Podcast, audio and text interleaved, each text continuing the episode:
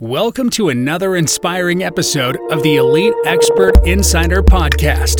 Hosts Melanie Johnson and Jen Foster are the owners of Elite Online Publishing. They're both Wall Street Journal, USA Today best-selling authors. We're really glad you're here because this podcast was designed for you. Meet industry experts that share their secrets and strategies. Get successful results for your business in money, relationships, health, and your life. Each episode is going to inspire you to take action towards reaching your greatness.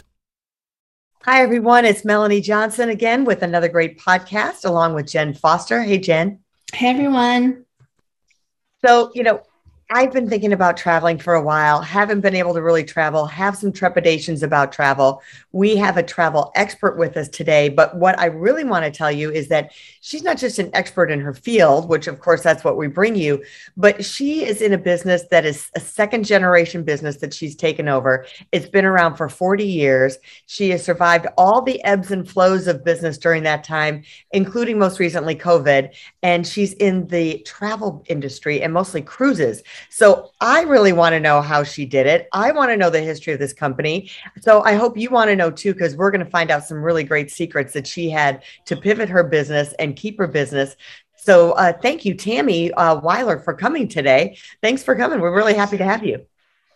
Oh, thank you, Melanie and Jen. I'm happy to come on and share what what I do. Hopefully, to help some of your folks. Awesome. Well, Tammy, tell us a little bit about your background and how you started in this and how your, you know, your family started this company. Yeah, um, my mom is the one that started our company in 1980. She came to us at the dinner table when I was a kid and said, "You know what, guys? I think I want a career. I want to do something with the rest of my life." And I looked at her, and she'll never let me forget this. And I said, future what future mom and she was only like 40 years old at the time. So she started a brick and mortar travel agency which some of your listeners or viewers if they're young may not even know what that means but people used to go in and get airline tickets issued by hand in person and get a physical ticket.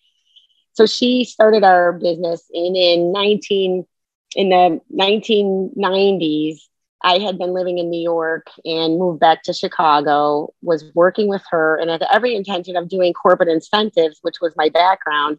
And I met a lady who was doing singles events. She was looking for somebody to do travel. I had expertise in group travel and I love to take people to places all over the world. And so after a year of catering to a singles 40s, 50s age range, I realized it was a really cool niche and there was a big need for helping people go on vacation.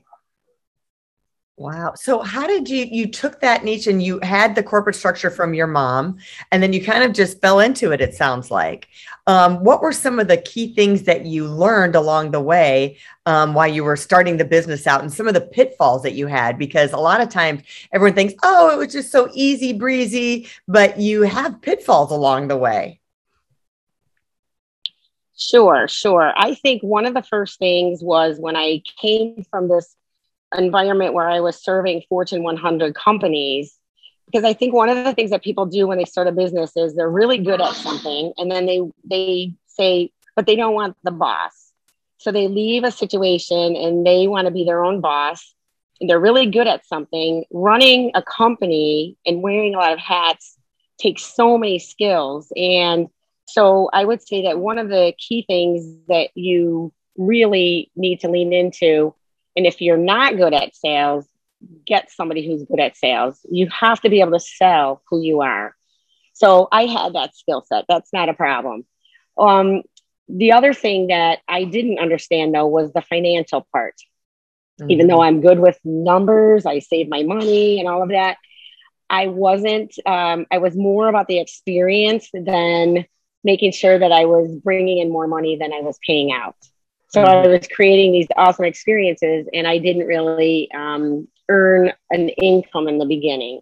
So I was able to do that because we I, I stepped into a business that was already existing, and it was my mom. So we had another side to the business, so I was able to dabble with the singles and not have to make a profit. But I wouldn't recommend that. I I would say that um, you definitely want to have two skills: sales And if you're not the salesperson, get the salesperson and have somebody really strong on your finances so that you're watching that you're making a profit on a regular basis because not everybody could last the long term if you if you're not um, making money. That's what it's about. You to make a lot but you got to make more than you spend. Yeah i really like how you talked about the hats because you know a lot of times people think oh i'm going to start this business but they don't think about all the different hats like you were saying the finance or the sales or the different little sections of it and so hiring that out is a really great tip or getting other people to do that it's really yeah. Cool. Another another pitfall, if you um, want, was that I actually did try to do a lot of things myself. Um, it's a blessing or a benefit that I my intelligence level was such that I could handle a lot of different things, or at least I thought at the time, because I just told you I wasn't good at the finances. Instead of hiring that, so you make a good point, Jen. Lean into people who have the strength in that background, because um, one of the things that happens to entrepreneurs is we get really burnt out because we're like, oh my gosh, I don't want to spend the money on the staff, but you end up doing things yourself. You don't do it as well, and you can burn out very, very fast. How did you transition from old school, like pre internet, to internet? Okay. so I was on the cusp when I started in 1993 with Singles Travel International, I had a website. It was my first version. I think we're on version six or seven right now. It was just a flat page. So things were pretty old fashioned at that point, old school. Mm-hmm. Um, and I just stayed abreast of the technology. And it's something that might sound strange to some of your viewers or listeners because I'm about to be 60. And so we didn't have the technology for a really long time. And my age range doesn't really love technology, which, by the way, which is one of the reasons for our success right now, because a lot of our travelers are not tech savvy. So we're very helpful in that way. Um, that won't be forever. And so I had to stay on top of it. I had to make sure that I learned technology, that I was able to understand the meetings that were being conducted around a new website. So I know enough to make the decisions and move us forward and stay stay forward moving as a company, as a team, and uh, and that that's really important. So um, that's that, that's I just made the transition through staying up to date on what was coming down the pike and learning things. So you must have had to really have a really great customer service center and call like calls and all those things, which I think today a lot of people are falling away from because they have the online forums and online chats and online texting but i feel like you still need that personal touch. So how do you stay like what do you do that keeps your customer service at the top notch? Yes I, we had to dedicate a person um, on our team although it's small but somebody takes care of our help center inbox every day. We clean it out and we we had to focus on it. So e- each quarter we have quarterly meetings and we come up with priorities as a team and we were failing in that area. So w- even though we had the technology, they're able to make the website bookings um, because of the age range. But I guess even regardless of the age range these days, there are people that are still always going to need that human touch. So we mm-hmm. we focused on it in a period of time. We got the right person in place, and um, although that's not her full time uh, task list, you know, she spends an hour or an hour and a half a day making sure everybody, and she does it, and it's split. So first thing in the morning, last thing at the end of the day, we make sure that that box is cleaned out and of course, you have to answer the phone call and, return them the same day. Certain yeah. courtesies. What's what makes it even challenging is today. I always say if you're you're having a small business, you've got to meet your members or your customer where they want to meet you. So I'm pinged on LinkedIn, Facebook, um, Instagram, telephone calls, emails, oh my gosh, it's just it's um it's from anywhere except that's where they want to touch base with you when the time that they want to touch base. I still encourage some boundaries.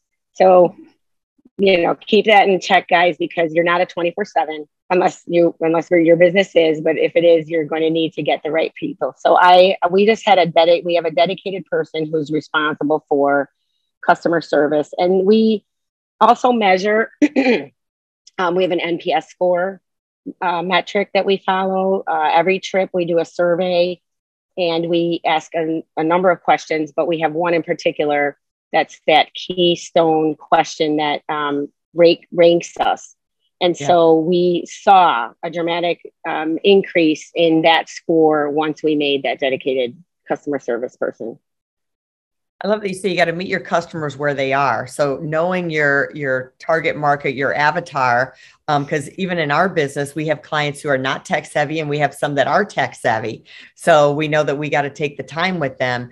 And and having that personal touch is a big deal because it's gone away so much that I think if you're offering that is is wonderful and that you've dedicated a person. So what I see is that you saw a weak point and then you addressed it. And that seems like what you're doing is okay, here's the weak point. How do we change that? How do we make it better? And have those quarterly meetings. A lot of times business businesses don't do that. They don't reassess their business every quarter and look at their numbers every quarter or even every month for that matter. You were talking about the numbers. I always tell my sons the hardest thing to learn after school is the finance part. Like if you can learn that while you're going to school, otherwise you feel like you're always trying to catch up to learn the numbers. What is a balance sheet? What am I supposed to get out of the balance sheet? What's my cash flow? So if they can learn that ahead of time, you're you're ahead of the game. Tell us, I mean, the industry has gone through a shock wave like so many industries have during COVID um, and travel was hit really hard. What did you do to pivot and innovate during that time? Well, thanks, Melanie. I think um, we all want to hear a nugget about that. Like, how did they make it and travel? Oh my gosh, they're still here. I mean, you know, I have clients calling, Are you guys still in business? Yes, we are. Come on. Well, um, one of the things that we did, again, we stayed together. We we lost part of our team. Um, as a CEO, I have three purposes. And one is funding. I'm responsible for making sure we stay funded and we move forward. My second responsibility is building a team. And my third is making sure our vision stays in front of everybody and stays alive. And we're really strong in the vision and the team culture. So even though we're small, Everybody mm-hmm. knows where we're headed. Everybody understands the challenges, and we have um, a set of values that we all uh, esteem. Mm-hmm. If you don't, we we don't keep you on, and that's kind of how we hire and lead, and and people leave if they're not a good value fit because there's probably a better place for them. But right now, our team is all on the same page for the values and open and honesty is one of the sets. And so I've been able to, as a, as a leader, be very, very upfront with my team, share the highs, the lows, the, the nights when I had a, you know, a, a sleepless night. Um, and so we were working very close together. I, I was able to get the PPP twice. Um, and I'm kind of hoping that there's another opportunity for that um, because of the second Delta variant. Uh, except that, you know, I'm still looking for other ways to keep us going so we're not in dire straits at all. But just being open and honest with my team so that they knew that I'm strong, but then there's moments when, where I have um, insecure moments, right?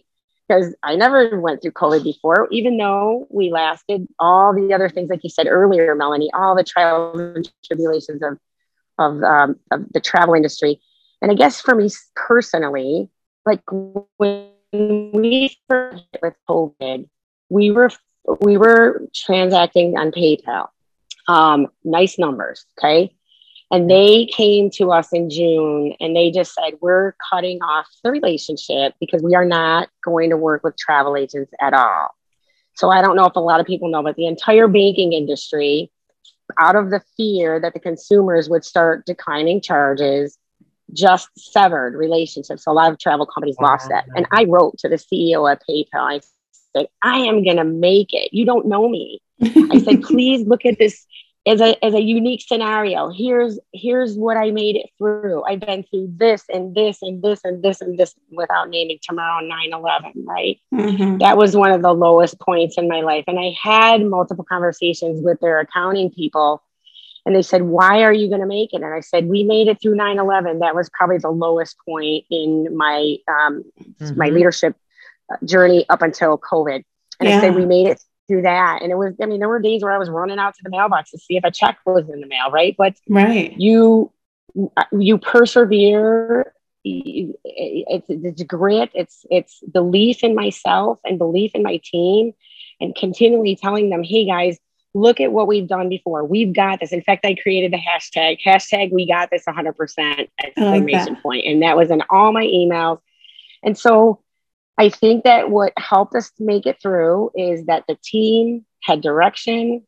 We were convicted. They love what they do, they love the team. And we kept trying new things, mm-hmm. including when 2020 kind of Q2, three, four, nothing was happening yeah we launched a new website uh, and it was called single life today and we created a virtual event site to help our singles stay connected we know not only were they quarantining most of the world was quarantining right but right. if you're single you probably live alone so the the, uh, the, the loneliness that they were mm-hmm. experiencing mm-hmm. was a reality that we we felt because our other one of our other values is caring and compassion and so we created this event space so that we could do connection on all different levels. Mm-hmm. And it, it has developed into some really cool things for us in relation to the travel too right now. So, uh, so that was a uh, an innovation that the team came up with. We created a membership uh, structure, so people paid us for the events, and again, I would just kind of recommend to people when you try something new, if it's not exactly, keep keep listening to your customers, keep honing it, keep tweaking it. So mm-hmm. we ended up putting the membership out, and it wasn't super successful in the beginning until we added an element that solved a huge problem for singles. And it was age old, but we still didn't nail it until we started getting the feedback. And once we added travel discounts for singles who want their own space, their own cabin, their own room, the memberships started pouring in. And so that is what, even though they weren't traveling, the concept that in the future they were going to get a discount on their travel was compelling. So mm-hmm. that helped us quite a bit uh, through 2020. And now we continue to offer that membership to our to our members that upgraded a membership to our members today. Awesome. Well, tell us about some of the fun trips that you have planned or that you've been on and I know I do want to hear about before COVID hit, you had a cruise that went around the world. So tell us about that one first and then. Oh my gosh. Okay. So, Jen, that's a short story because it didn't happen thanks to COVID. We were oh, supposed oh, no. to do the Queen Mary 99 nights. And we had we had some such high hopes for personal development for people on that cruise, fun, seeing the world, and then like growing because we were like, you could learn to dance, you could learn to play piano. We there were so many potentials. So I think we're going to do that again in 2024. And in the meantime, I want people to know that there are opportunities for travel. We want to be able to respect the different positions that people are taking because on a one to 10 spectrum, there's a number all along the way. We're all approaching this from a, from a very individual way. Um, we have been traveling since fall of last year. We have practiced all the safety protocols.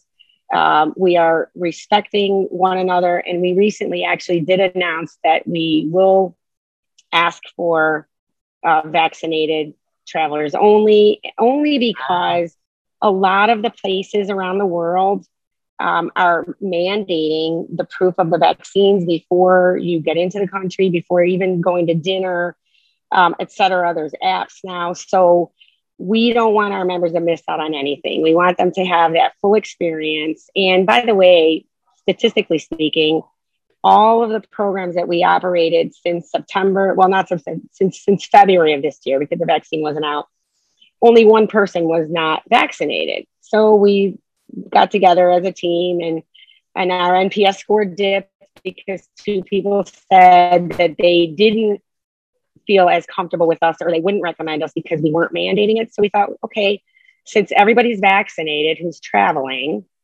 and our members are asking for it and we're getting feedback that they would feel much more comfortable, let's make the decision and it delivers the most rounded experience for our travelers when they get to the different places. Mm-hmm. So with all that said, we went to Greece this summer. We just finished Sicily. We did Santa Fe, New Mexico. We have a Scottsdale coming up. We have Vegas for New Year's Eve. We have a New Year's Eve cruise, which is how I met Jen uh, in 2017. Uh, we did a New Year's Eve cruise every year for 26 years before COVID. So we skipped the wow. year. We're going to go back again this year.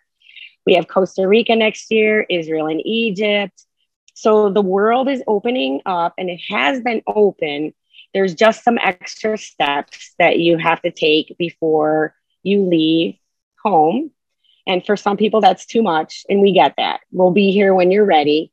But for those who are willing to travel, um, I believe it's worth it. And um, I'm a passionate world traveler. Uh, personally going to be taking a group to France uh, on October 1st. So I'm looking forward to that experience. And uh, that's on a sailing vessel.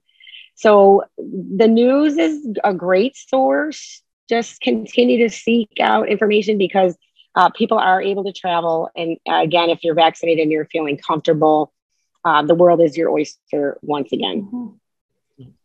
Yes, I love that hope because a lot of world travelers or people that want to see the world or have all these dreams and goals, and they're like, oh, we have to not, we can't travel anymore. But it's not true. You can travel, and people have been traveling since, like you said, since fall of last year. It's just you have to take extra steps, get COVID tests, and be vaccinated and different things to get to where you want to go. Find out what the what the requirements are. So tell us where we can find you, Tammy. Oh my gosh. All right. So we have a website. It's www.singlestravelintl.com. Or you can do the longer version. I'm going for the Guinness Book of World Records. That would be something I would change, Melanie, in the next business is make my website shorter. Singles Travel International in full also will get you to us. Uh, singlelife.today will also take you to our site, and that's our event page. And we're, of course, on all the social media. So um, you're we're at Singles Travel International for the most part, and yeah, we're we're here and we're waiting for you when you're when you're ready. Awesome. We'll put the links up on the show notes as well as on the YouTube um, description page, so you can check out the links and visit her website and follow her on social media. Thanks, Tammy, for coming. And uh, we want to remind you to subscribe to our podcast because we always have great guests and tons of information to give you to help you grow. Um, and we want to remind you if you're looking to publish a book, to look us up at eliteonlinepublishing.com. We make all of our authors number one bestsellers, and we do everything for you from writing, publishing, and marketing your book all in one place. We'll see you next time. Bye. Hey, are you looking to increase your revenue, build credibility, and elevate your brand? This podcast is brought to you by Elite Online Publishing, an innovative publishing and full spectrum marketing company. They will publish and market your book to make it a number one bestseller. Becoming an author is the best way to market your business. So contact them at eliteonlinepublishing.com today. All of their authors become number one bestsellers.